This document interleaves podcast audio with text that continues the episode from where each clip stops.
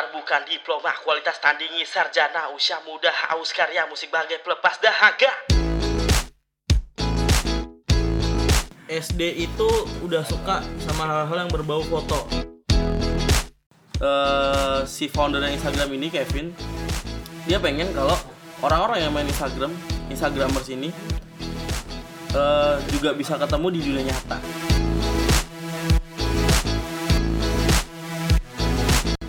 karya apa pun bentuknya kuncinya kalau pengen tetap terus stabil cuma satu tulus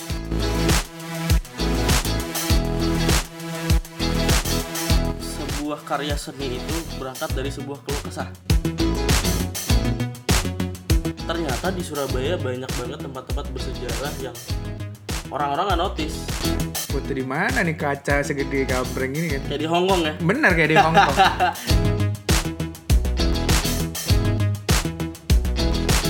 Halo, halo selamat malam. selamat dini hari Di di hari. Ya, podcast ini di take setengah satu pagi bersama orang spesial jauh-jauh dari Jakarta, cuy. Yeay, tepuk tangan lu semua, tepuk tangan. Penonton 20 ribu orang mana sore ini? Penonton 20 ribu orang, penonton. Wah, penontonnya. Kagak, penontonnya kesel Lemes.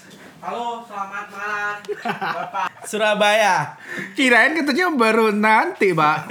Kok udah opening orang orang dengerin udah udah denger kentut aja. Makanya langsung ditanyain ya. Kalau boleh langsung dikeluarin. Selamat malam pendengar. Biar kayak penyiar radio gitu ya. Iya. Halo semua. Eh, berjumpa kembali dengan di podcast Medok. Cuma kayak hari ini kita nggak bisa medok-medok nih. Karena bersama orang Jakarta. Enggak, aslinya Surabaya kok. Wah, Surabaya. Aslinya Surabaya. Wah. Kayak kalau dengar suaranya kayak mungkin kalian udah mengerti. Salah satu Instagramer terkenal. Ush. Wih. Tepuk tangan dulu dong penonton. Gila. Wih, buset. Eh, rajin explore. Kalau nongkrong tuh, nongkrongnya tuh udah nggak sama kita-kita biasa-biasa orang-orang rakyat gini cuy. Rakyat. nongkrongnya tuh udah sama eh, artis-artis. Ih, sedap. Boy lagi. Ih. Yang terkenal-terkenal gitu pokoknya yang followernya banyak. Udahlah, daripada lama-lama kita sambit Suryanesia. Hey, selamat malam podcast bedok. Tuh, orang Jakarta tuh kalau ngomong podcast medok, medoknya gimana, Pak? Medok. Oh salah ya. Podcast medok. Gak enak.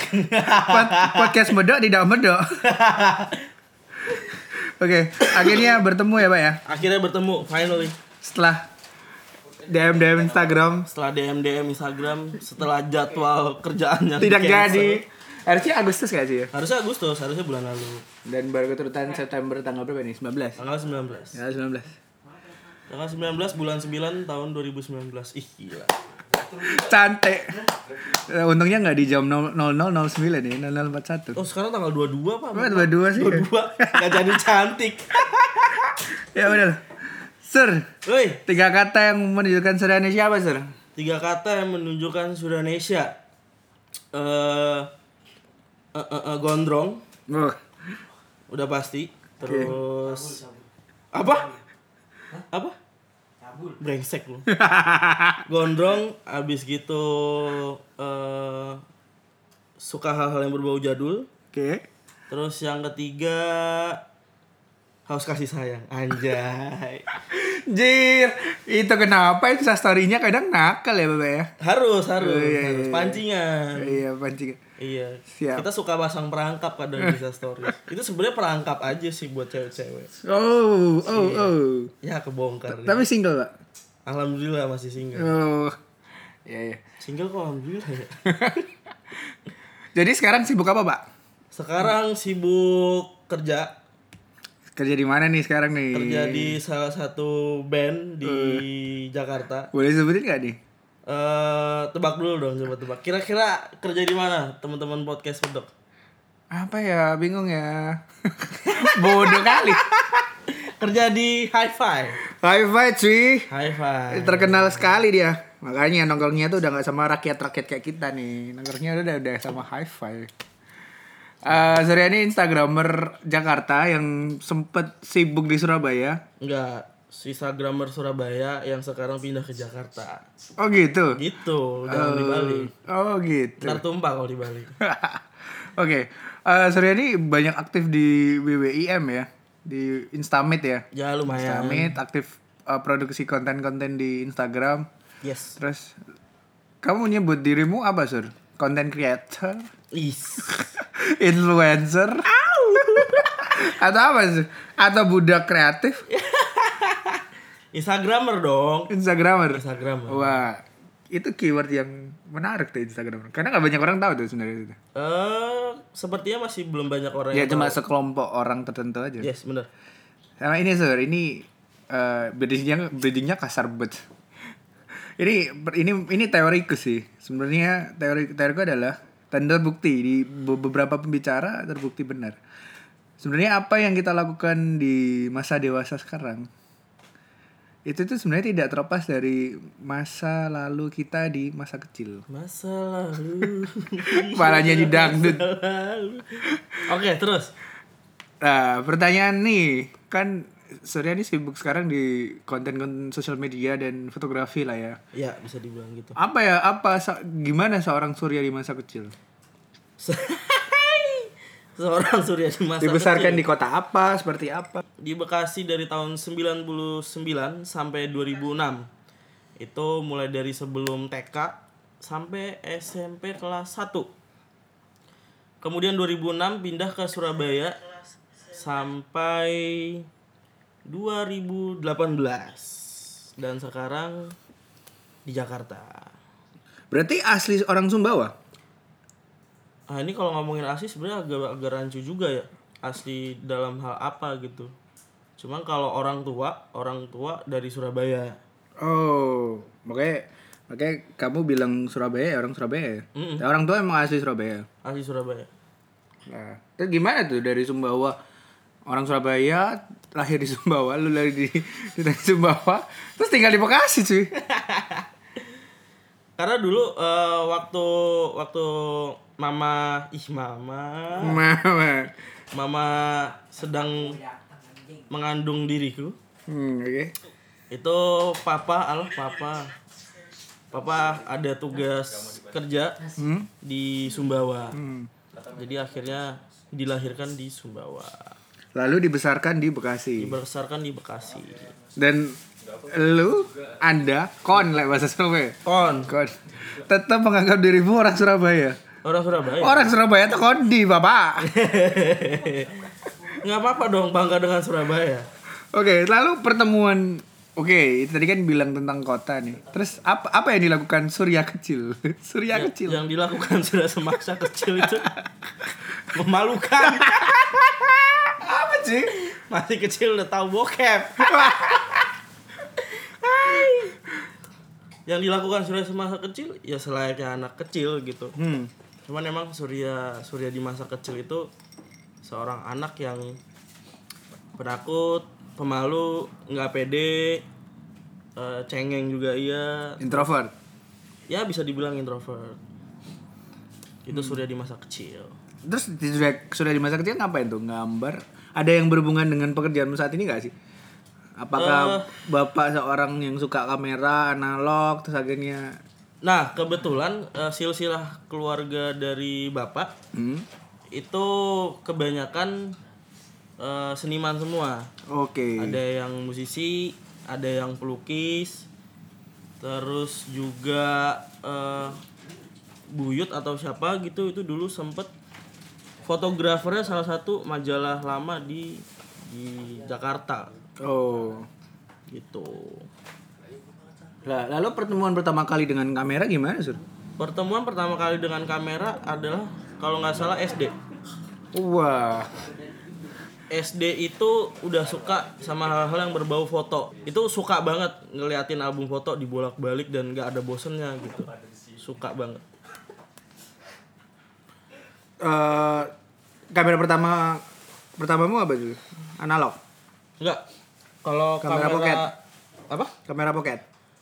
Malah dulu itu ketika mulai masuk SMP terus eh, minta handphone. Hmm. Minta handphone. Mintanya handphone yang ada kameranya. Oh. itu udah udah udah masuk masuk SMP lah SMP kelas Ini kelahiran tahun berapa sih Sur kamu Sur? 1 94 saya masih muda pak Padahal waktu SMP mewah banget gak sih kamera ada eh HP ada kameranya. bener bener bener Apa ya itu? Sony Ericsson ya? Nokia kayaknya belum ada ya. Eh Atau waktu Nokia? itu Nokia 6600 Jir mewah kali dulu zaman dulu. itu waktu mau pindah ke Surabaya Oh. Jadi di Surabaya waktu kelas berapa tuh? kelas 1 SMP Sampai sampai 2018 sampai umur 24 loh di Surabaya itu dari SMP sampai sampai gede. sampai gede? Lah, ngomongnya Bekasi banget, Bapak.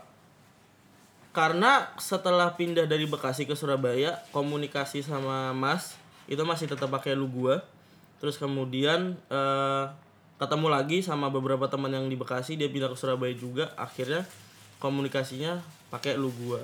Oh, dengan dengan circle orang-orang Jakarta juga. ya betul. Oh, makanya bahasa sih tidak Surabaya sekali. tapi lu ngomong Jawa ya iso Iya ngomong Jawa nih, Sal. iso lah Oh, ya ngomong Jawa aja. yoi Tapi lek mental-mental Surabaya ngono lek ketemu Jakarta udah langsung kayak tiba-tiba berubah udah. Wih, secara gak langsung nggak serah nggak langsung sih. Bener. Terus kan awal bertemu kan nguliknya dari handphone, terus dari kameramen lain tuh. Terus gimana waktu waktu gede eh kenal semakin suka nih atau ngulik-ngulik fotografi? Nah, eh, kenal sama yang namanya DSLR itu dulu waktu udah mulai masuk SMK Hmm. itu sempat ikut eh, komunitas bonek kampus ITS.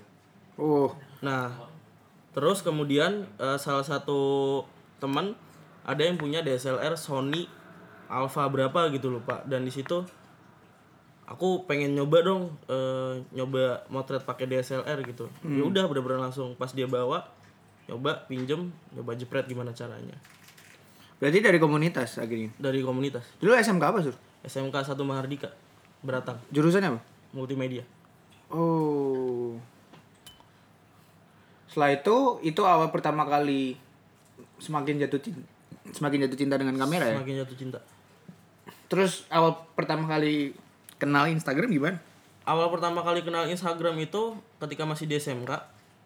Jadi eh, dulu sempat di musik juga. Terus salah satu temen itu di Facebooknya dia sering nge-share foto tapi ada dari Instagramnya. Oke. Terus dari situ penasaran, tanya ke teman-teman Instagram itu apa, Instagram itu apa, sampai akhirnya salah satu teman di sekolah ngasih tahu Instagram tuh gini gini gini gini gini, cuman adanya di handphone gini gini doang. Di iPhone ya waktu itu. Waktu itu kenalnya udah di Android 2013. Oh, 2013. 2013. Oh. Jadi awal ketemu Instagram itu dari temen. Dari teman, dari teman waktu masih di musik. Oke. Sebelum kita ngomong tentang Instagram. Ih, Dulu denger-denger ya menurut riset nih mata-mata nih dulu kan katanya nge-rap ya atau berkecimpung di dunia musik. ngerepotin. Gimana tuh, Pak? Tahu dari mana, Pak? Wah, riset saya. Ih, sumbernya terpercaya. Oh, nih. terpercaya kali ini. Bener, dulu sempat nge-rap. Eh, waktu dari SMK itu tahun 2012 Iya. sampai 2016. Oh, lama banget ya berarti. 4 tahun kurang lebih. Berarti sambil jalan nge-rap sambil jalan Instagram. Eh dulu f- Instagram belum terlalu yang fokus banget awal-awal. Jadi karena emang kebetulan suka foto, Hmm. terus kemudian suka musik juga. eh, jadi ya udah gitu. Kenapa nggak dicoba dikombain buat kebutuhan promosi juga? Hmm. Lah padahal itu nge-rap kayak dengan jumlah durasi yang 4 tahun tuh ya kayaknya ini lama banget. Lah kenapa tuh akhirnya berbelok jadi seorang Instagramer produk konten? Kan kayak update pertama kali 2015 tuh. Iya. Tapi kayaknya tuh sebelum itu tuh ada akun Instagram lain tuh yang sebelum itu kan. Gimana tuh ceritanya, Pak? Jadi akun pertama itu dulu eh bener-bener isinya kenangan-kenangan mulai dari zaman sekolah sampai eh, zaman nge-rap gitu. Hmm. Terus kemudian si akun kedua ini yang sekarang namanya Suryanesia ini dulu itu sebenarnya dibikin cuman buat akun lomba, buat ikut lomba challenge foto doang.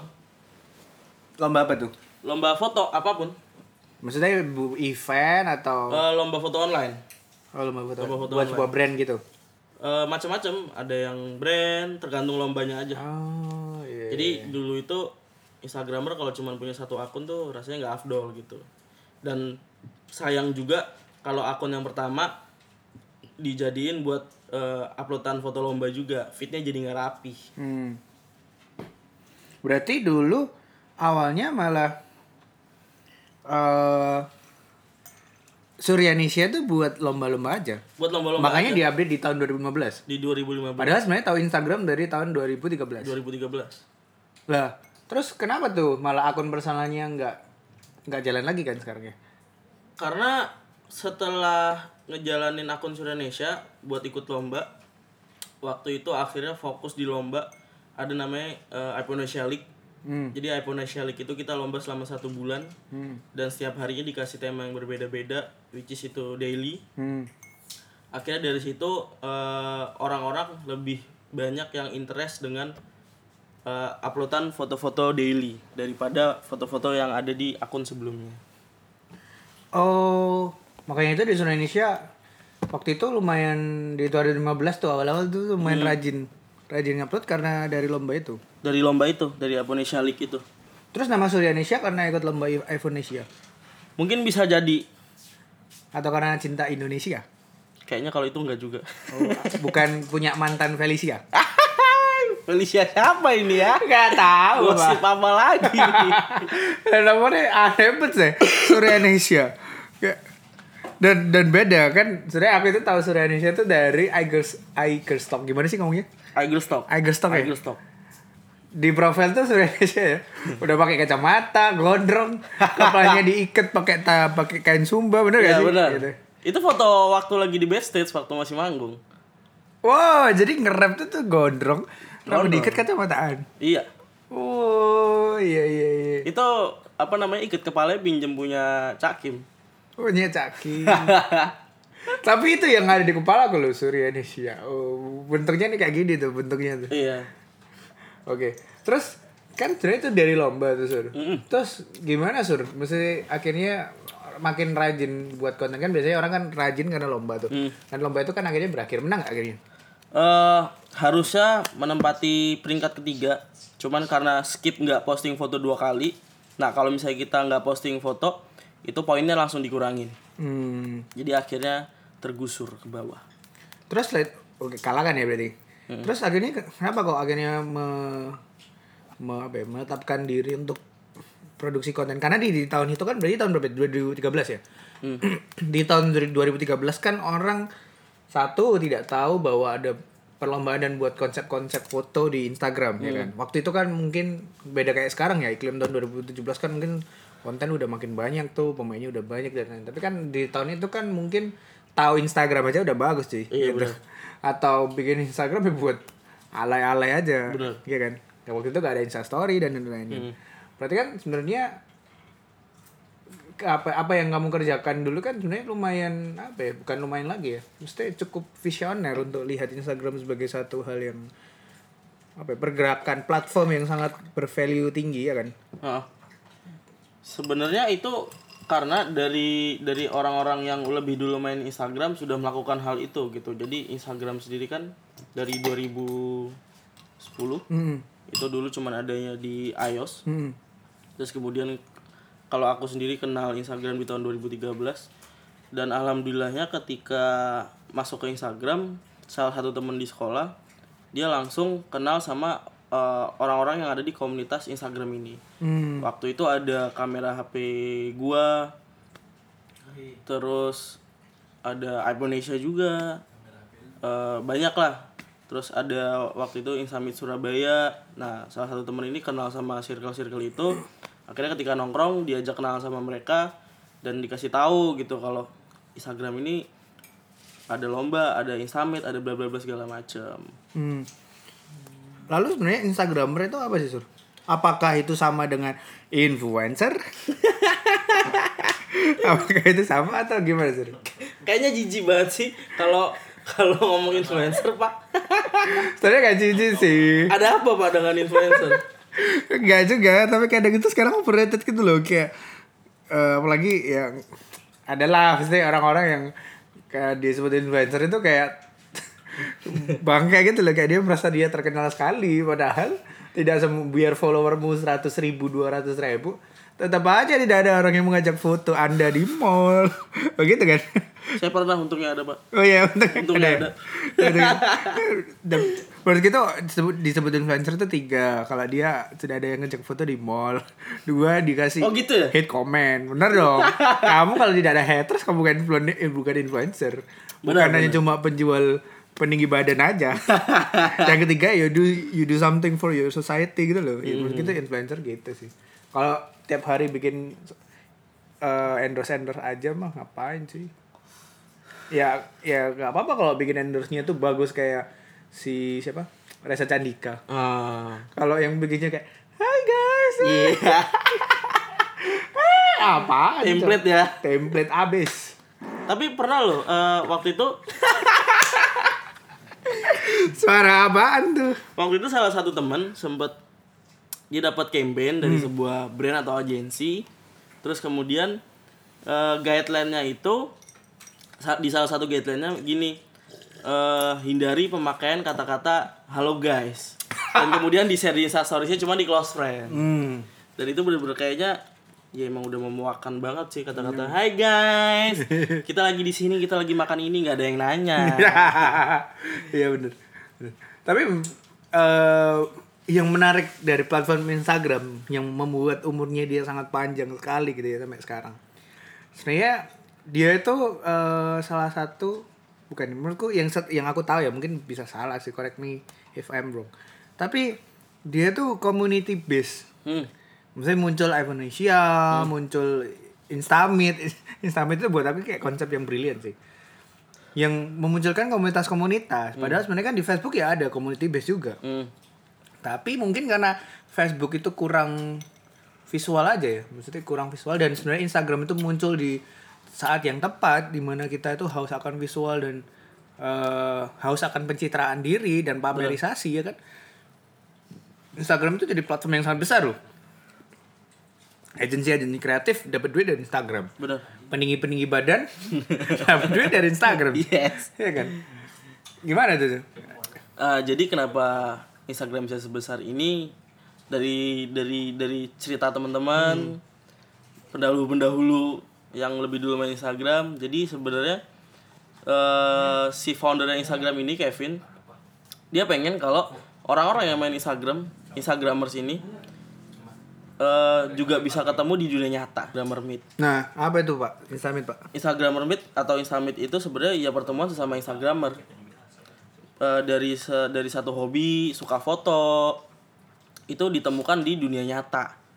Jadi benar kita ketemu, kita sharing, kita kenalan dan akhirnya bisa jadi teman, keluarga dan banyak juga yang akhirnya bikin company bareng. Hmm. Dapat jodoh juga. Ada banyak juga sampai nikah. Tapi berarti sebenarnya Instagram dulu ya. Kayaknya bung dulu. Kayaknya mungkin Instamit sekarang kayaknya nggak nggak di support Instagram kayaknya.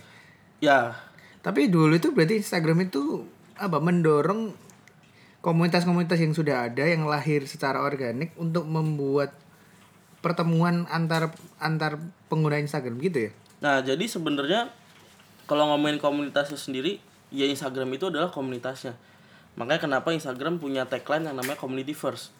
Dan bisa dibilang Instagram adalah satu-satunya pla- platform yang berbasis community, yang punya community juga. Hmm. Itu sebabnya kenapa eh, ada yang namanya Instamit, kemudian ada yang namanya Worldwide Instamit. Hmm. Eh, kalau yang versi kecil lagi ada yang namanya photo walk atau mini walk, jadi cuma bener hunting, jalan bareng gitu.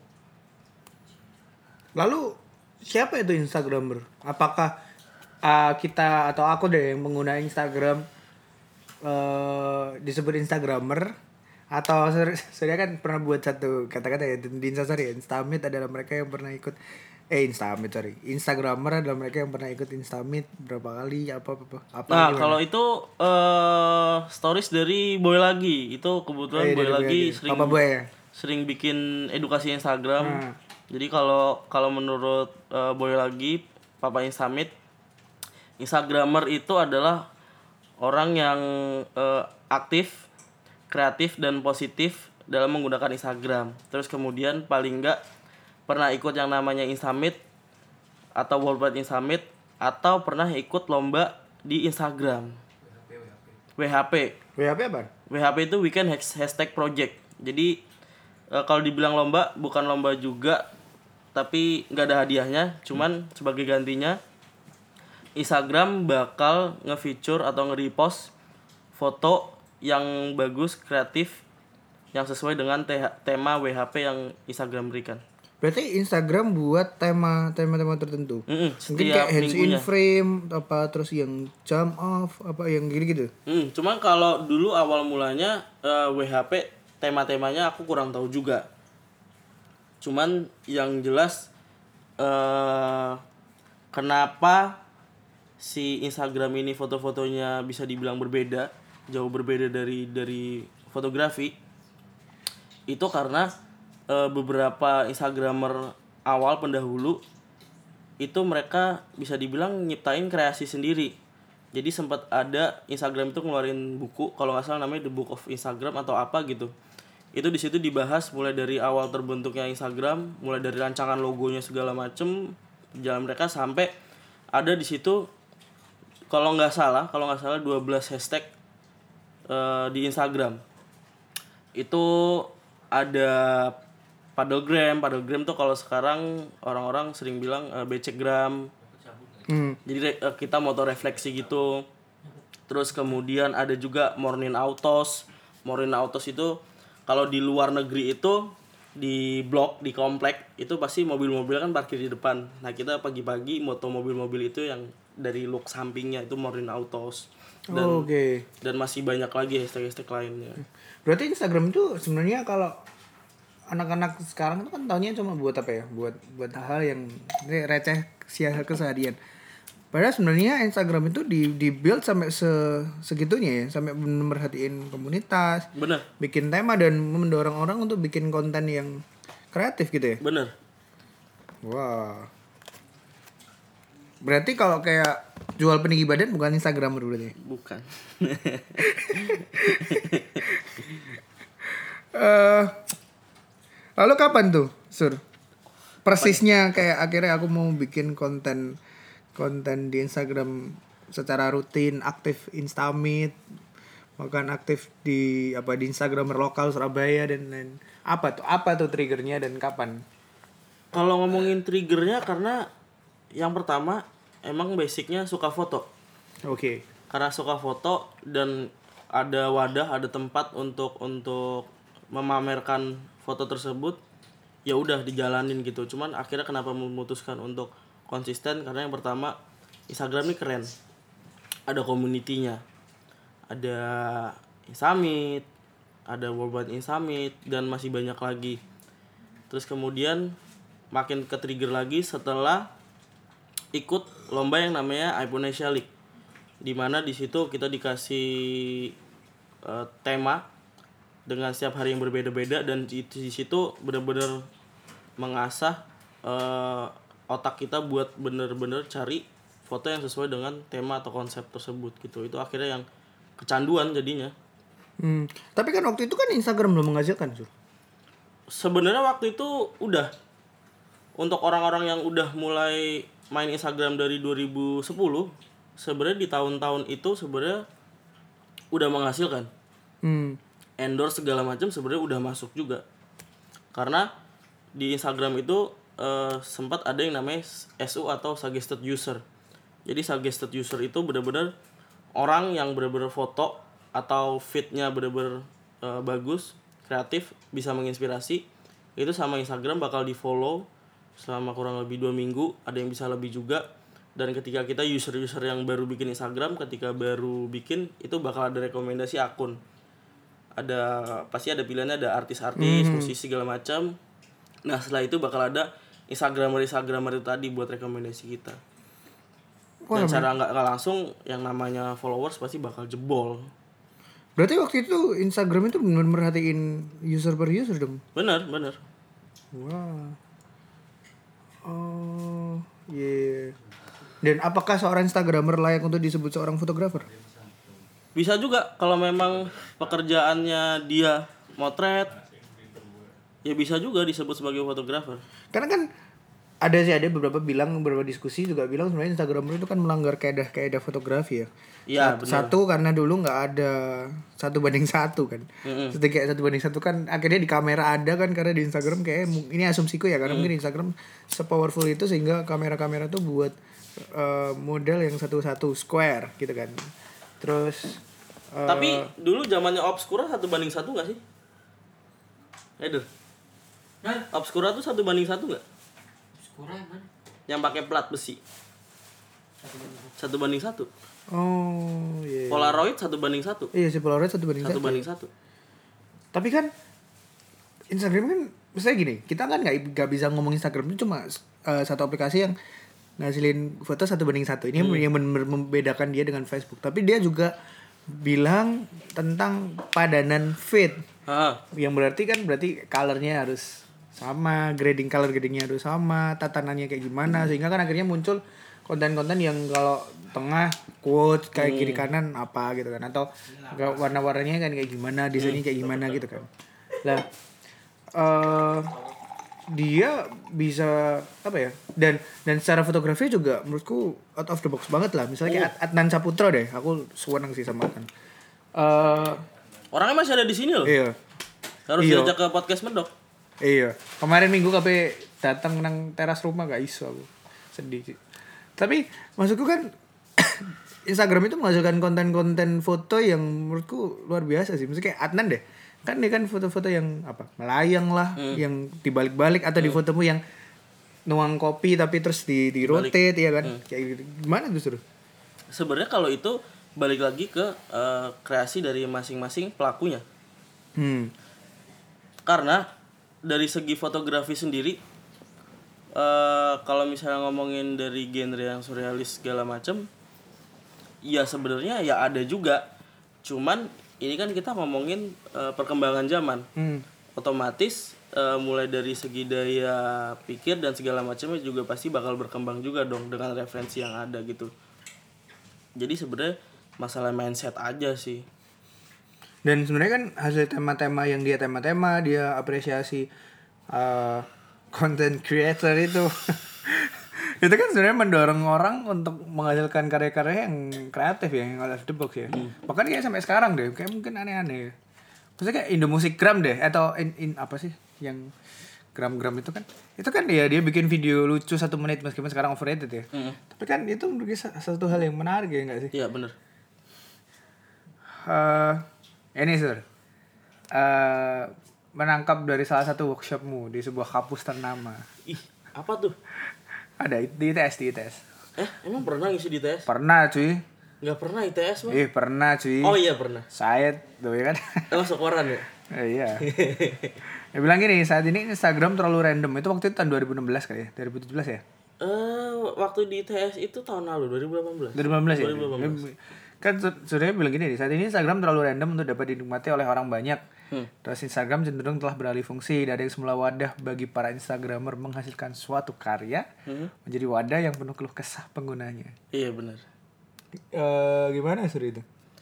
Eh, balik lagi. Dulu ketika awal-awal orang main Instagram itu memang kebutuhannya mereka untuk share foto kebahagiaan ataupun kenangan. desain. Nah, Iya intinya yang berupa visual gitu kan yang benar-benar kebutuhannya entah untuk referensinya orang inspirasinya orang dan segala macam. Cuman semakin ke sini udah beralih fungsi jadi tempat untuk curhat.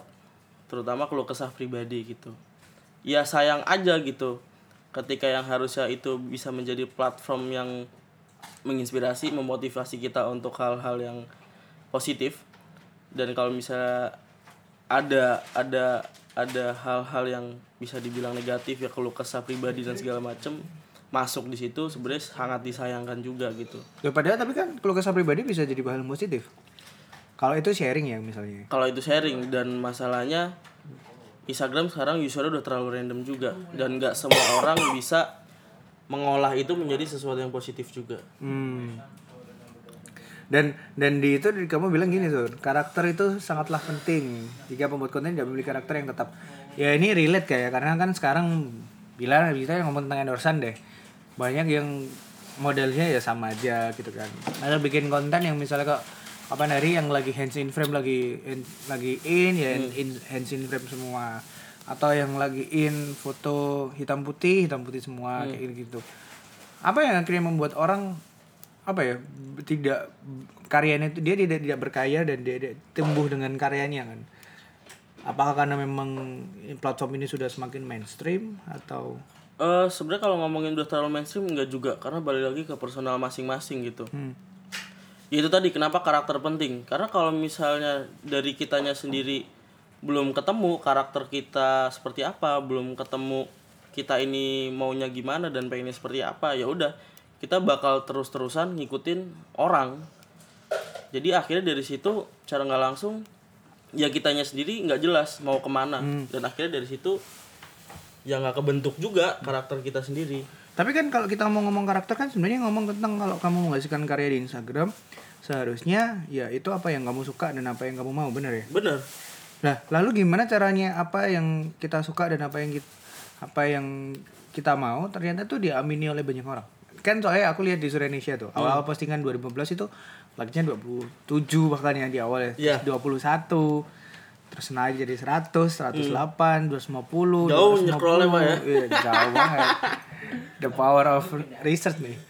Eh gimana dulu prosesnya, Sur? Apakah apakah kita harus tergabung komunitas untuk untuk bisa apa likes kita banyak gitu atau eh, paling nggak kan karya kita diapresiasi dan diamini oleh banyak orang. Eh kalau ngomongin itu sebenarnya salah satunya ya bisa di komunitas gitu.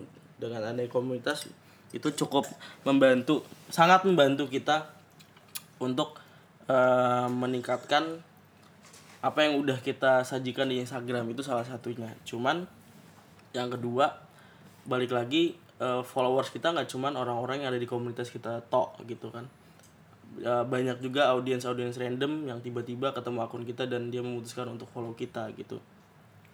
Jadi ya udah gitu. Eh, balik lagi ya kita sendiri harus tahu kita tuh sebenarnya sukanya apa nggak sukanya apa maunya apa dan nggak maunya nggak maunya apa gitu. Ketika kita udah tahu ya berarti kita udah bisa memutuskan dong.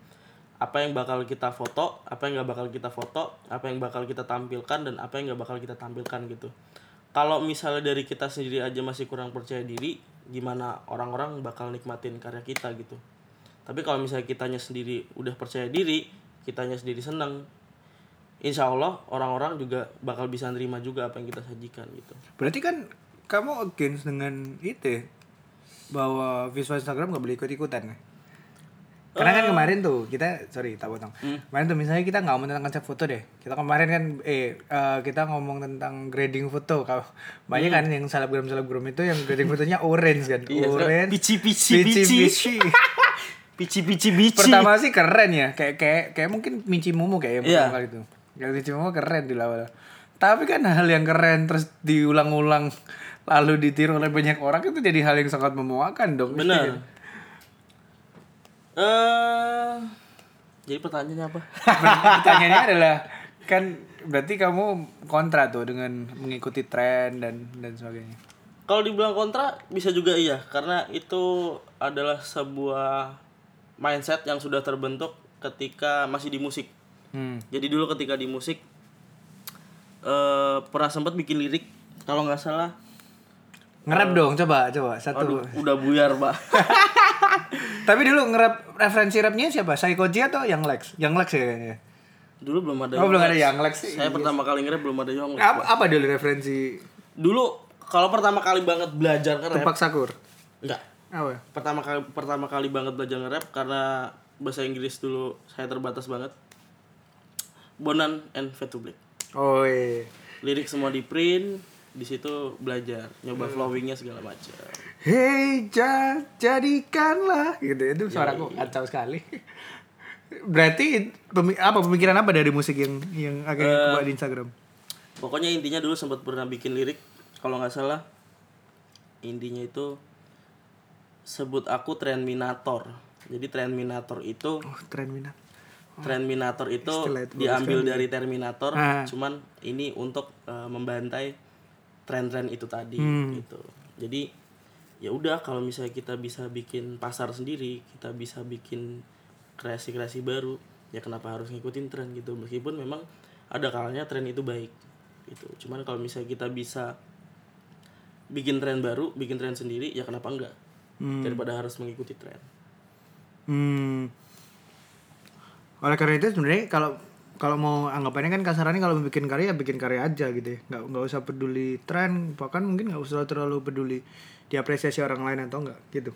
eh bener balik lagi ke mindset yang udah didapat ketika awal di musik bener akhirnya haus apresiasi akhirnya ya udah kita mikirnya gimana caranya bikin sebuah karya tapi kita bisa dapat apresiasi yang banyak Hmm. kalau kita udah langkahnya udah jauh nggak masalah cuma kalau misalnya kita baru awal-awal udah mikirin ke situ sayang juga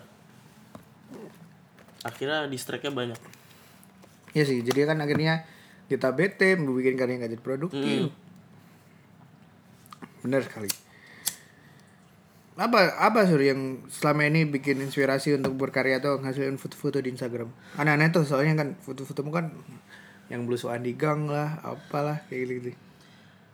Kalau ngomongin yang belusukan di gang terutama di Surabaya sebenarnya eh, bisa dibilang sebuah anjing. Ini kalau ngomongin seni kayaknya berat banget ya. Nggak apa-apa. kita juga bukan seniman banget nih.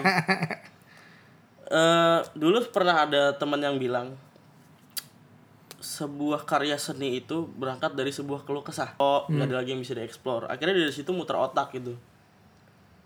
Gimana caranya bisa bisa menonjolkan kota Surabaya dari sisi yang berbeda. Dari sisi yang kita nggak punya nih bangunan-bangunan bagus kayak Jakarta. Kita nggak punya nih landmark landmark bagus kayak di Bandung taman-taman bagus kayak di Jogja dan sebagainya. Ternyata di Surabaya banyak banget tempat-tempat bersejarah yang orang-orang nggak notice. Oh tempat ini kalau diambil look dari sini bagus. Oh tempat ini kayaknya kalau dimasukin kayaknya banyak menarik deh gang-gang ini Hmm. dan dari situ ya udah akhirnya memutuskan ketika kosong keliling Surabaya kalau bisa berhenti berhenti kita belusukan dari situlah awalnya kenapa pengen nonjolin eh, sisi yang berbeda dari Surabaya Iya, sebenarnya ini kan pertanyaan itu berasal dari kayak kapan hari kan aku hunting kan sama talent-talent gitu kan, nah talent. Terus aku tahu banget sih, maksudnya Surya tuh tahu banyak tentang daerah-daerah Surabaya, belusukan-belusukan Surabaya yang Surabaya itu sebenarnya punya sisi lain yang yang orang nggak tahu gitu kan, kayak daerah-daerah depan daerah jalan tunjungan tuh orang biasanya foto ya jalan tunjungan aja cuy Bener, Gitu. bener. Jalan tunjungan. tapi sebenarnya kalau kita masuk kampung-kampung kampung-kampung itu tuh punya daya tarik yang bagus dari segi warna bagus banget dari segi historis juga bagus banget kan Bener. dan sangat lokal banget kayak gitu berarti eh berarti kamu tuh sangat passionate di di dunia fotografi dan Instagram ini ya sih karena kan iya kan? Karena kan orang orang passionate itu kan mereka berusaha mengulik apa yang mereka suka gitu mereka berusaha untuk bertumbuh dengan karyanya kan. Makanya fuck passion. Kalian yang mengatasnamakan passion karena tidak mau berproses diri padahal kalian itu lemah.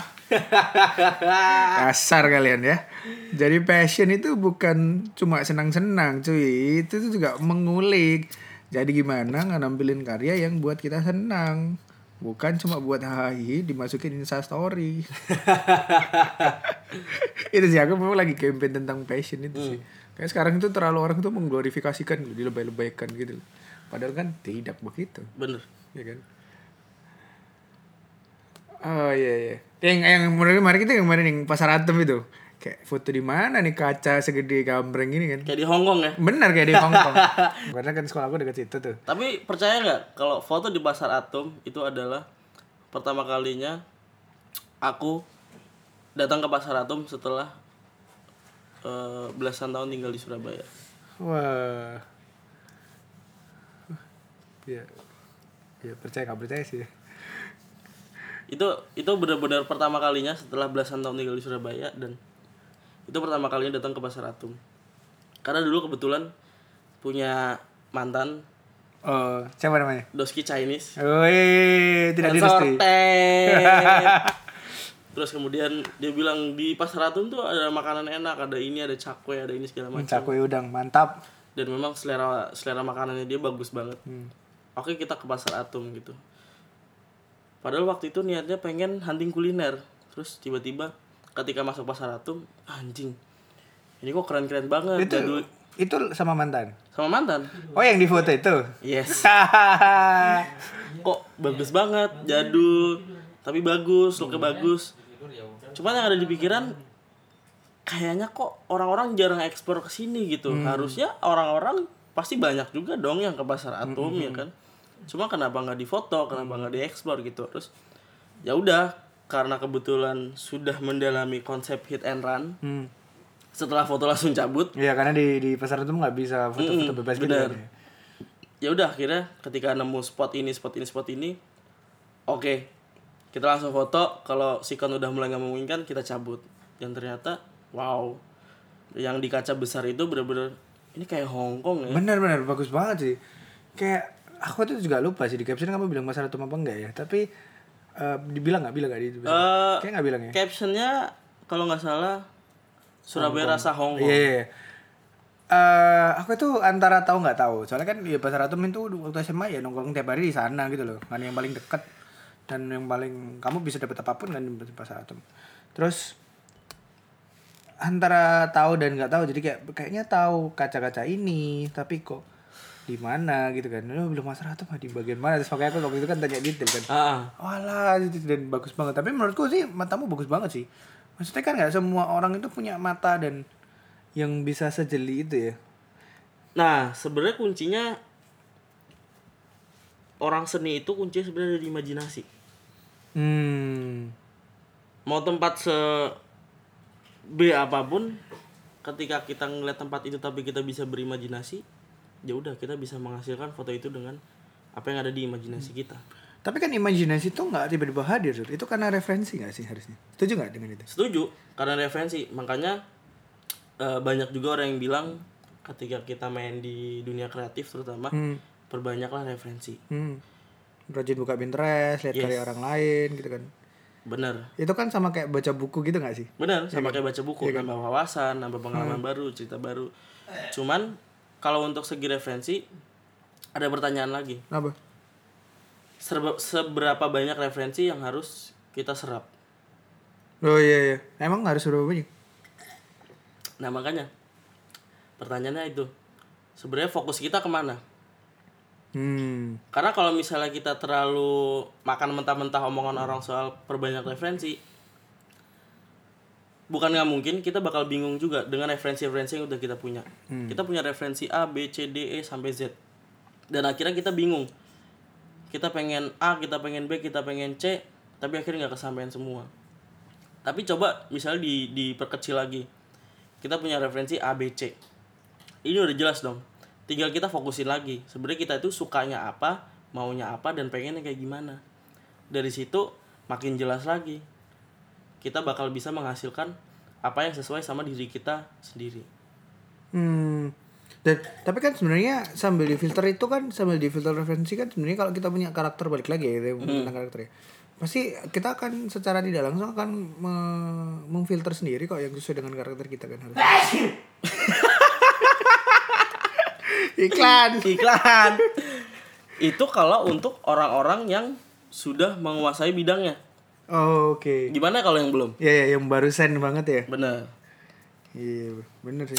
Apalagi kalau barusan banget kadang nggak belum punya karakter kan. bener Dan karakter itu sebenarnya dibangun dari referensi-referensi itu kan. dari referensi-referensi itu oh aku tuh langsung. suka deh sama yang referensi kayak gini iya lama-lama itu jadi suka karakter. deh sama yang gede-gede gini eh apa itu hatinya hatinya apa sudah yang membedakan apa ya selain dengan keluh kesah orang yang sering keluh kesah di Instagram tapi sebenarnya apa yang membedakan karya di Instagram tahun 2015 sampai mungkin 2017 atau 2018 awal lah ya dengan Instagram di hari ini yang membedakan adalah eh berkembangnya inovasi dan kreasi dari masing-masing pelakunya. Hmm. Itu untuk dari segi yang positif ya. Yang membedakan sih itu. Karena informasi juga masuknya makin cepat, referensi juga masuknya makin cepat, kreasi-kreasi baru banyak yang bermunculan. Jadi itu sih yang akhirnya membedakan 2015 dan 2017. Sekarang lebih banyak kreatornya. Sekarang lebih banyak kreatornya. Lebih banyak kreatornya, banyak kreasi-kreasi baru bermunculan, banyak inovasi-inovasi baru juga. Apa contoh inovasi baru yang nggak ada di tahun 2015 2017? Yang nggak ada di tahun 2015 adalah kalau nggak salah Hmm. Di 2015 itu belum ada yang namanya kreatif multiple post belum Oh ada iya, namanya kreatif Instagram stories Ya, instastory nggak ada ya. terus apa lagi ya ya kurang lebihnya sih itu Iya, ya, apalagi yang berkaitan dengan filter-filter ya. Mm-mm. Hmm. Kreatif game nggak ada yang klip-klip Benar. kedip-kedip mata. benar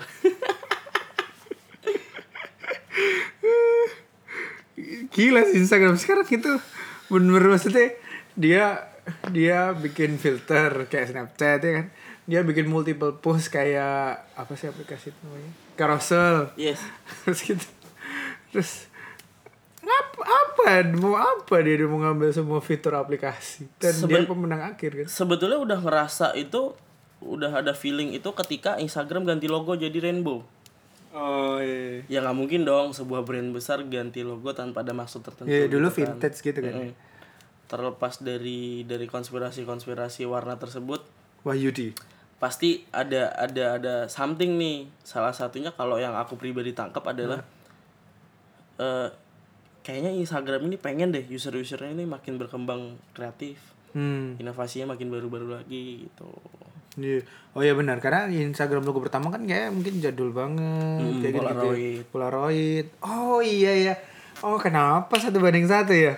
Oh iya, iya. nangkap nangkap. Oh. Wah, belajar banyak Instagram. Siapa sur? Instagram favoritmu sur? Selain Ed Suryanisya ya? saya nggak pernah membanggakan diri Oh sendiri. iya, sorry sorry. Instagram favorit sampai sekarang masih tetap sama kalau ditanya tiga orang siapa Siapa? Ernanda Putra Oh iya, yang pertama yang kedua boy lagi yang ketiga adaptasi Adaptasi. adaptasi dari Bandung Oh. Kayak gimana tuh konten masing-masing tuh? Dari Nanda Putra deh. Ernanda Putra itu aku melihatnya lebih ke sosok dailynya dia bisa menghasilkan kesehariannya dengan visual-visual yang menarik yang benar-benar kok bisa ya nyari dapat angle kayak gini kok bisa ya Foto jam aja bagus. iya bener sebenarnya angle-angle kayak gitu motonya juga nggak gampang juga loh Hmm.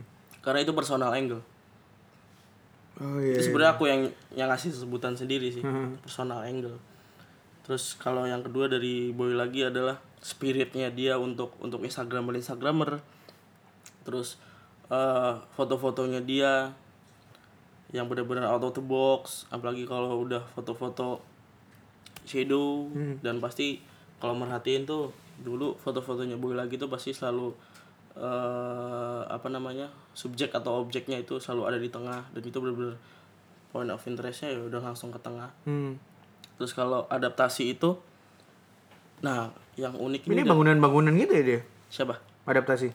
nah yang unik dari adaptasi ini jadi sempat ketemu sama eh sempat ketemu sempat ngobrol sama salah satu instagramer Surabaya namanya Cak Sukir Hmm. itu setelah udah ada akun Indonesia Cak Sukir bilang "Eh, ya foto-fotomu ini bisa masuk ke genre mixang fotografi Mix Apa? apa mix? mixang fotografi apa itu cak jadi mixang mixang fotografi kalau secara singkat adalah eh, foto-foto yang orang lain nggak bisa lihat secara langsung tapi si pelaku atau fotografer ini bisa ngelihat apa yang orang lain nggak lihat misal Hmm. Kita lagi ngeliat ke tembok nih Hmm. ya kalau kita bisa ngeliat biasa ya tembok ini polos that's it Hmm. Cuma ketika kita ngelihat lebih dalam lagi, lebih dalam, lebih dalam lagi, pasti bakal ada corak-corak tertentu yang itu punya eh, point of interest atau point of view yang menarik. Hmm. Itu eh, masuknya di mixang fotografi dan itu ada sekolahnya di luar negeri. Makanya sebenarnya bisa dibilang aku aku eh, belajar juga tentang apa itu mixed fotografi pengen mendalami juga cuman nggak berani kalau nggak berani bilang kalau apa yang aku lakukan ini adalah mixed fotografi gitu Hmm. karena mixed fotografi sendiri ada sekolahnya Lah, adap adaptasi itu mix fotografi dari menurutmu? Eh, nggak tahu juga cuman kalau dari yang aku lihat dia bisa ngelihat apa yang orang lain nggak lihat Iya sih ini bagus banget sih dia. Padahal hal yang simpel dan padahal grading warnanya itu berubah-ubah nggak sih? ya? bener Tapi emang sama kayak nggak eh bahkan foto tangan ini ada shadow. bener Kan super simpel ya. Tapi iya, menurutku bagus juga. ntar ada sound effect Oh. Mantap.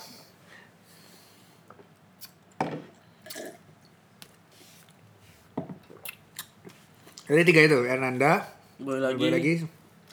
adaptasi Dan di instastorymu nih selalu cerita tentang pertemuan dengan boy lagi yang ternyata memang mungkin mengubah ya, mengubah perspektif dan mungkin konten-konten yang Surya produce ya. A- ada gimana tuh ceritanya? Kamu dengan Mas Boy, Ah, Papa Instamit ya. ah. Terus dan apa ada efek, e- efek atau dampaknya terhadap hidupmu? Eh, sebenarnya perubahannya cukup signifikan juga ketika Ketemunya kapan ketemunya? ketemunya adalah di WWM 16 Asia Di Bromo. di Bromo. Eh kalau dibilang follow-followan, aku udah follow Om Boy. Terus waktu itu di WWM 16 Asia itu Anugerah Dimas Hmm. eh, nyamperin aku terus bilang udah ketemu Om Boy belum? Belum. Itu Om Boy ada di tengah-tengah situ ketemu aja kenalan terus ya udah akhirnya mau nggak mau harus ngeberanin diri buat nyamperin Om Boy yang ada di tengah-tengah gerumbulan orang banyak langsung nyamperin bilang halo Om Boy salam kenal gue Surya Surya Indonesia gue dari Surabaya. Terus ternyata nggak expect kalau responnya Om Boy selebay itu. Nah nih Indonesia akhirnya kita ketemu di sini. Itu benar-benar dikelilingin banyak orang terus bilang ini nih gara-gara Instagram akhirnya kita bisa ketemu di sini. Kita udah follow-followan lama. Akhirnya di WWIM ini kita ketemu dan bener-bener se welcome dan selebay itu. Dan ternyata memang orangnya bener-bener sehumble itu. Hmm. dan Terus apa pengaruhnya? Pengaruhnya adalah spiritnya. Spiritnya untuk kita kita terutama instagramer yang bener-bener Om Boy selalu bilang don't stop. Itu yang akhirnya terus ke bawah di mindset ke bawah ke bawah ya udah gitu apa yang kita lakuin sekarang kalau bisa jangan berhenti. No matter what ya podcast medok jadi Inggris Inggrisan dong. Ah, gak apa-apa dong. Tapi sebenarnya berarti pertemuan dengan Om Boy itu mengubah dengan cara mindset dan ke- mungkin konsistensi berkarya kali ya. iya secara nggak langsung Dan oh, oleh itu kenapa dia dipanggil Papa ya? Karena dia bisa merangkul gitu ya, kebapaan gitu ya. Emang orangnya kebapaan gitu ya? Nah, kalau ini dari ceritanya Om Boy dan teman-teman yang ada di Jakarta, Boy lagi itu dulu sering banget bikin yang namanya Instamit. Nggak peduli yang datang sedikit atau banyak, dia tetap bikin yang namanya Instamit. Bikin, bikin, bikin, bikin, bikin, bikin, bikin WWIM, bikin Instamit, bikin WWIM, bikin Summit. Sampai akhirnya eh di WWIM atau Instamit apa gitu, kalau nggak salah, Instagram notice headquarter dari Jepang. Kemudian akhirnya eh, ngirim email ke Boy lagi kita bakal ngirim orang eh, community manager dari headquarter Jepang buat ketemu sama yang Boy lagi. Dikirimlah kalau nggak salah yang namanya Miss Harry dari Jepang ketemu Boy lagi ketemu ketemu ngobrol-ngobrol segala macam sampai akhirnya di situ dia dikasih julukan sebagai Papa Instamit Oh, karena dia dia Konsisten. sering dan banyak banget mengadakan atau membuat yang namanya Instamit oh. Oke. Lalu Surya kan akhir ini sibuk buat itu ya, ready to commute. Apa sih? Eh, suddenly commute Suddenly commute, Yes, sorry. suddenly hashtag commute. Apa itu? Sur? Ih, dibahas commute? dong. Iya dong, saya kan pengagum konten-konten Anda. Suddenly commute adalah eh Dengan Ed Rara ya. Aku sampai hafal loh. sebuah sebuah program yang yang dibuat oleh Rara, Surya dan Rangga gitu. Jadi awal terbentuknya Suddenly Commute adalah eh, jujur aku terinspirasi dari Rara. Oke. Aku terinspirasi dari Rara karena beberapa kali Rara sering buat Insta stories dia naik angkutan umum atau transportasi umum. Kemudian di upload di stories dikasih dikasih judul eh, hashtag commute gitu. Hmm. terus kemudian eh, ketika aku di Jakarta awal-awal di Jakarta itu ke mana-mana gojek ke mana-mana gojek. Lama-lama boncos juga pak. Mahal juga. Bener. kemudian setelah kerja di hi-fi jarak dari rumah ke kantor lumayan juga PP dari kantor eh dari rumah ke kantor kantor ke rumah paling nggak ngabisin duit 50.000 ribu. Hmm. akhirnya ah nyoba ah naik Transjakarta busway. Di situ aku foto terus kemudian aku update stories aku tulis commute. Terus kemudian di suatu hari kita lagi ngobrol-ngobrol weekend kita bingung yuk hunting yuk udah lama gak hunting mau hunting ke mana? Kita bingung terus salah satu orang kalau nggak salah Niko Ilham nyeletuk commute aja yuk commute. Ya udah kita waktu itu langsung mutusin commute. Kita naik uh, busway dari Sarina ke kota tua. Habis itu ya udah kita explore atau hunting kayak biasanya gitu. Terus akhirnya besoknya kita bikin yang namanya suddenly commute di situ. Jadi bener-bener ya udah emang dari dari dari aktivitas sehari-hari yang emang kadang makanya kenapa kita bikinnya suddenly yang kadang kita naik eh, transportasi umum dan selain itu juga kita pengen ngajak atau memperkenalkan orang-orang ini loh eh, experience-nya naik transportasi umum gitu tetap enak tetap nyaman dan ya worth it untuk untuk untuk dipakai sehari-hari Hmm. Lah ini loh menurut aku kayak lumayan kagum dengan Instagramer adalah yang membedakan dengan influencer. influencer itu harusnya legitimate dari orang-orang ya Iya. iya. bukan labeling diri sendiri Eh, menurutku yang paling menarik ada dari Instagramer adalah mereka tuh rajin gitu loh. Maksudnya melihat keresahan apa me- me- apa ya? mengaplikasikan keresahan pribadi sehingga menjadi karya. Dan mesti aku kayak lihat itu menarik ya. Dan komik kan sebenarnya terlepas dari yaitu hunting tapi sebenarnya educate orang untuk naik angkutan umum, benar kan? Hmm. Nah, itu kan sebenarnya hal yang sangat menarik ya karena itu hal yang sederhana tapi ada edukasinya, tapi ada output karyanya gitu loh. Dan ya itu sebenarnya membedakan kita sebagai seorang yang passionate atau di orang yang berbunga-bunga terhadap passion kita dengan orang yang mungkin menjalankan itu sebagai rutinitas. Hmm. Makanya itu kayak menurutku sih para para selebgram ini sebenarnya harus berkaca dan merevaluasi gitu. ya. Eh bahwa menghasilkan konten itu nggak boleh konsisten begitu begitu aja menghasilkan menghasilkan karya itu harus konsisten. Hmm. tapi menghasilkan karya dengan hasil yang konsisten begitu begitu aja dan tidak bertumbuh itu tidak benar saudara. Itu namanya stuck. Ya itu namanya stuck. Itu ada artinya anda menjadi budak konten. Lalu sur. Eh kakak tadi kan bilang tuh di depan tuh tiga hal yang menarik di Surya. Gondrong bisa dipahami. Terus tadi yang kedua apa? Eh selain vintage Eh, selain vintage adalah haus kasih sayang. Ya kasih sayang. Nah itu nggak usah dibahas lah ya. Kenapa vintage sur? Kenapa vintage? Nggak tahu karena ya udah itu ngalir aja gitu. Berarti kamu suka semua hal yang yang jadul? Bisa dibilang gitu. Hampir hampir semua referensi yang ada di di following itu hal-hal yang berbau jadul. Hmm, contohnya? Entah dari interior hmm. Entah dari fashion entah dari culture. Musik? Musik juga. Seorang Suryanisha mendengarkan musik seperti apa? Untuk belakangan ini musik yang didengarkan itu lebih sering ke dream pop. Contohnya? Dream pop eh, kayak lagu-lagunya Hippocampus terus Prep. Oh bus ya oke. terus ya semacam semacam itulah. Reality club. Wah kita das. kita das Nadine Hamisa? wah mau dijelasin Nadine nggak ketemu dua kali bos Iya kamu tuh dua kali. ketemu dua Gila kali sih. Ini kayak waktu itu ketemu sekali jadi ceritanya itu yang pertama kali ketemu adalah setelah setelah habis ngapain ya itu Islamit halal bihalal hmm, kok yang aku komen itu. Nah, setelah Islamit halal bihalal eh, terus kita aku Marfi Hakim sama satu lagi Tobi. Kita ke BNI Duku Atas. Hmm. niatnya pengen foto-foto karena Marvi ada mau foto produk terus kemudian kita ke terowongan yang warna-warni itu. Terus ada cewek lagi main sama anak kecil terus kita dari jauh cuma ngeliatin doang ini cewek lucu juga gitu kan suka anak kecil segala macam bla bla biasa lah obrolan obrolan obrolan cowok. Iya iya. boys talk. Terus kemudian ntar lihat ya kalau sampai Nadine Namisa gue gue pengen foto sama dia fotoin gue nggak mau tahu.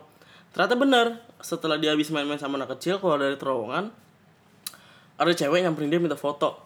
Fix itu Nadine Namisa nggak mau tahu. Sekarang gue pengen foto sama dia fotoin gue akhirnya langsung tak Uber nyamperin Nadine. Halo kak boleh minta foto Saya bareng nggak?" panggilnya kakak. sepi. Kamu boleh minta foto bareng nggak? Boleh. Ya udah akhirnya di situ foto bareng dan bener-bener ya didengerin lah. Bener-bener ya udah nggak ada jarak. Ya udah bener-bener nempel aja gitu. Dan sama-sama pakai baju putih juga. Kesannya kayak bener-bener habis habis halal bihalal bareng. Itu mah ngarep bapak. Tapi sebenarnya gini dulu, aku tuh sebenarnya me- me- me- menikmati karya itu buat aku kreatornya itu mati. Maksudnya dalam artian, sebenarnya aku tuh bukan orang yang menuhankan kreator karena eh, kreator itu nggak sempurna gitu loh. Mungkin Benar. ada sisi psikologis yang ketika dia nggak ada bener hidupnya kita akan kecewa. Makanya itu kadang sering dengerin lagu nggak tahu tuh wujudnya kayak siapa itu. Kayak misalnya Red Orange Country deh, suka sama lagunya. Hmm. Suka. Tapi wujudnya kayak gimana nggak tahu. sama Iya kan? that's why kenapa aku dengerin dream pop Ya makanya kan kayak gitu lah. Tapi Nadine itu tuh aku lagi suka banget sih sama lagu apalagi yang Sora ya sekarang.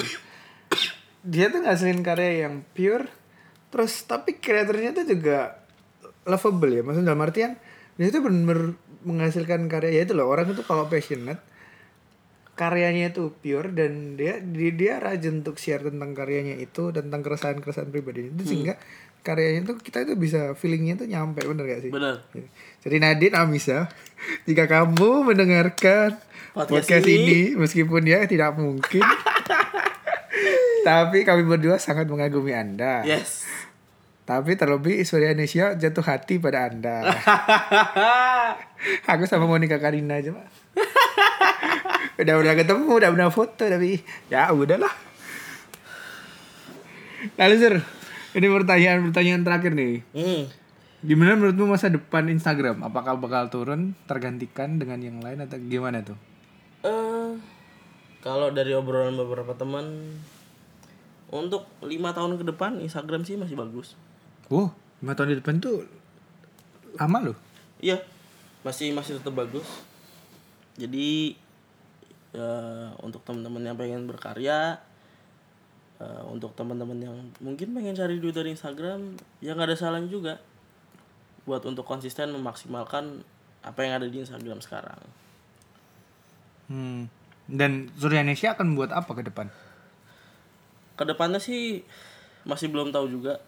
Cuman kalau dari lubuk hati yang terdalam, ih, Oh, pengen nikah. sumpah? Karena emang ya udah jatuh cinta juga sama kamu eh sama ka- sama foto maksudnya. Itu yang pertama. Yang kedua pengen bikin pengen bikin acara yang di mana ada instalasinya yang ya intinya mengumpulkan apa-apa yang belum terkumpulkan dan menjadikan apa-apa yang belum sempat terjadikan. Waduh, cantik. Tapi cita-cita aku itu sebenarnya bikin satu pameran pamer, pangeran pameran seni yang isinya itu sebenarnya karya-karya anak-anak Instagramer. Hmm. kan sebenarnya banyak tuh sih ada banyak lah tema-tema Instagram yang mungkin tidak semua populer tapi sebenarnya itu hal yang menarik kayak tadi yang foto mobil lewat tuh Benar. atau foto yang cerminan eh, dari becekan Bener. Sebenarnya pengen sih buat buat pameran dua hari isinya eh, karya anak-anak Instagram tapi nggak cuma karya foto tapi ada seni instalasinya Wah. jadi buat anda yang punya duit ya dan punya tempat mari berkolaborasi bersama teman-teman Instagramer supaya karya ini bagus Yes. tidak hanya menjual peninggi badan saja Tidak hanya menjual wajah saja. Iya. tetapi juga karya oke Eh, terakhir nih pak gimana Jakarta aman Jakarta terlalu menyenangkan bosku. Weh. Surabaya merindukan Anda. Saya juga merindukan Surabaya. Oh. That's why saya extend sampai hari Senin. Wow. Surabaya. Siap. Eh, Surya open gak sih kalau di DM atau atau diskusi ada orang ngajak diskusi ketemu dan lain-lain? Sangat open banget. Selama waktunya cocok Hmm. buat ketemu, ayo kita ngobrol sharing bareng. Benar-benar. Dan sebenarnya tapi jangan tertipu dengan wajah Surya sangat menyebalkan dan sombong ya. Aku itu ngerti gak sih? Kayak aku gak pernah bilang sih. Aku mau aku dulu ngerti Surya Indonesia aku beda aku kayak. Hmm. Ki opo sih orang ki kok bencana wis pernah ketemu salaman tapi lagi ketemu gak nyapa kayak bencana tuh wajahmu itu. Itu sudah terjadi dari zaman SMK. Banyak kan? Dari zaman Banyak SMK. banyak yang bilang gitu kan berarti. Banyak banget yang bilang gitu. Tapi ternyata pas kayak waktu hujan ya. Hujan itu memang mengubah kayak hujan di Askara.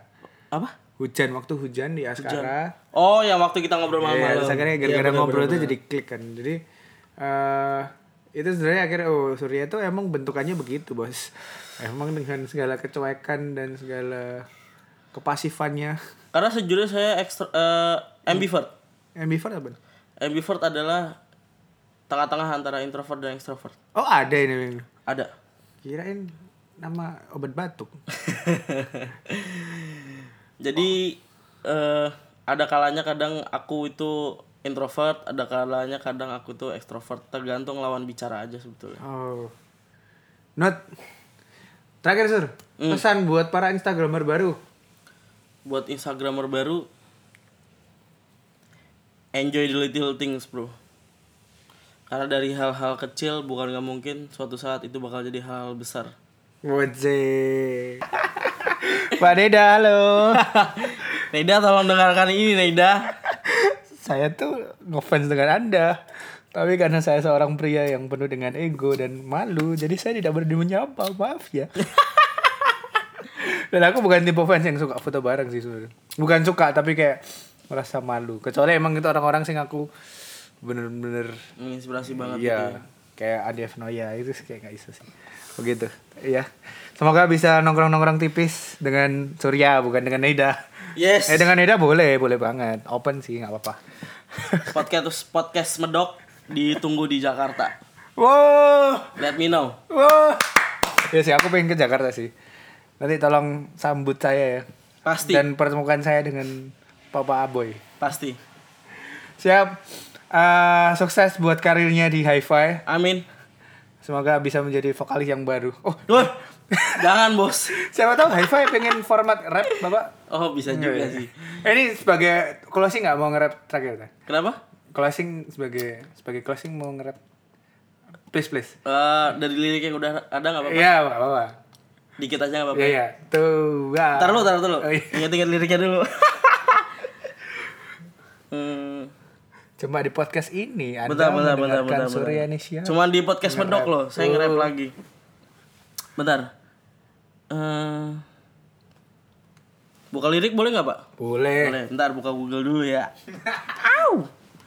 Loh, liriknya ada di Google. Ada, Bos. Wow.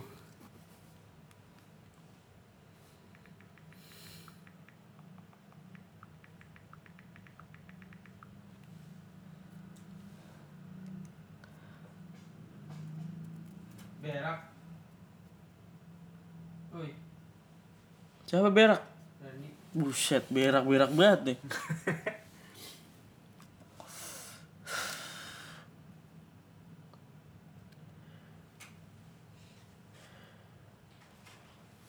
Oke, gue inget. Oke. eh jadi kurang lebih liriknya begini. Gelar bukan diploma, kualitas tandingi, sarjana, usia muda, harus karya. Ah, ulang lagi boleh nggak? boleh, boleh. lagi ya. ya. Gelar bukan diploma, kualitas tandingi, sarjana, usia muda, haus karya, musik bagai pelepas dahaga. Cuma di podcast ini cuy dengerin Surya nge-rap cuy. Mantap bos. Thank you ya Sur. Thank you Mas Adit. Eh, podcast ini di update terakhir no, jam 1.58 22 September 22 September. Oke. Harus diingat-ingat. Gile Dan total 1 jam 19 menit Berserta sound effect. Sound effect Dan ditemani dengan sahabat-sahabat Satu orang lagi ngedit buat pekerjaan bos. Semangat bos Q. Satu lagi habis mengeluarkan output-output yang Ada Fauzi Padli di sini. Bapak Fauzi Padli, apa kabar? Baik, alhamdulillah. Ada. Tretan DB, Randy Herdiansyah. Halo, Com. Keluar langsung dia. Oke, terima kasih Sur. Thank you podcast Medok Mas Adit. Semoga kita bisa menebarkan uh, kemedokan di seluruh dunia sehingga kita Surabaya bisa dikenal menjadi ibu kota eh ibu kota. Menjadi kota terbesar yang menghasilkan karya-karya positif. Amin, Cuk. Ya. Bodek mania mantap. Mantap. Wani.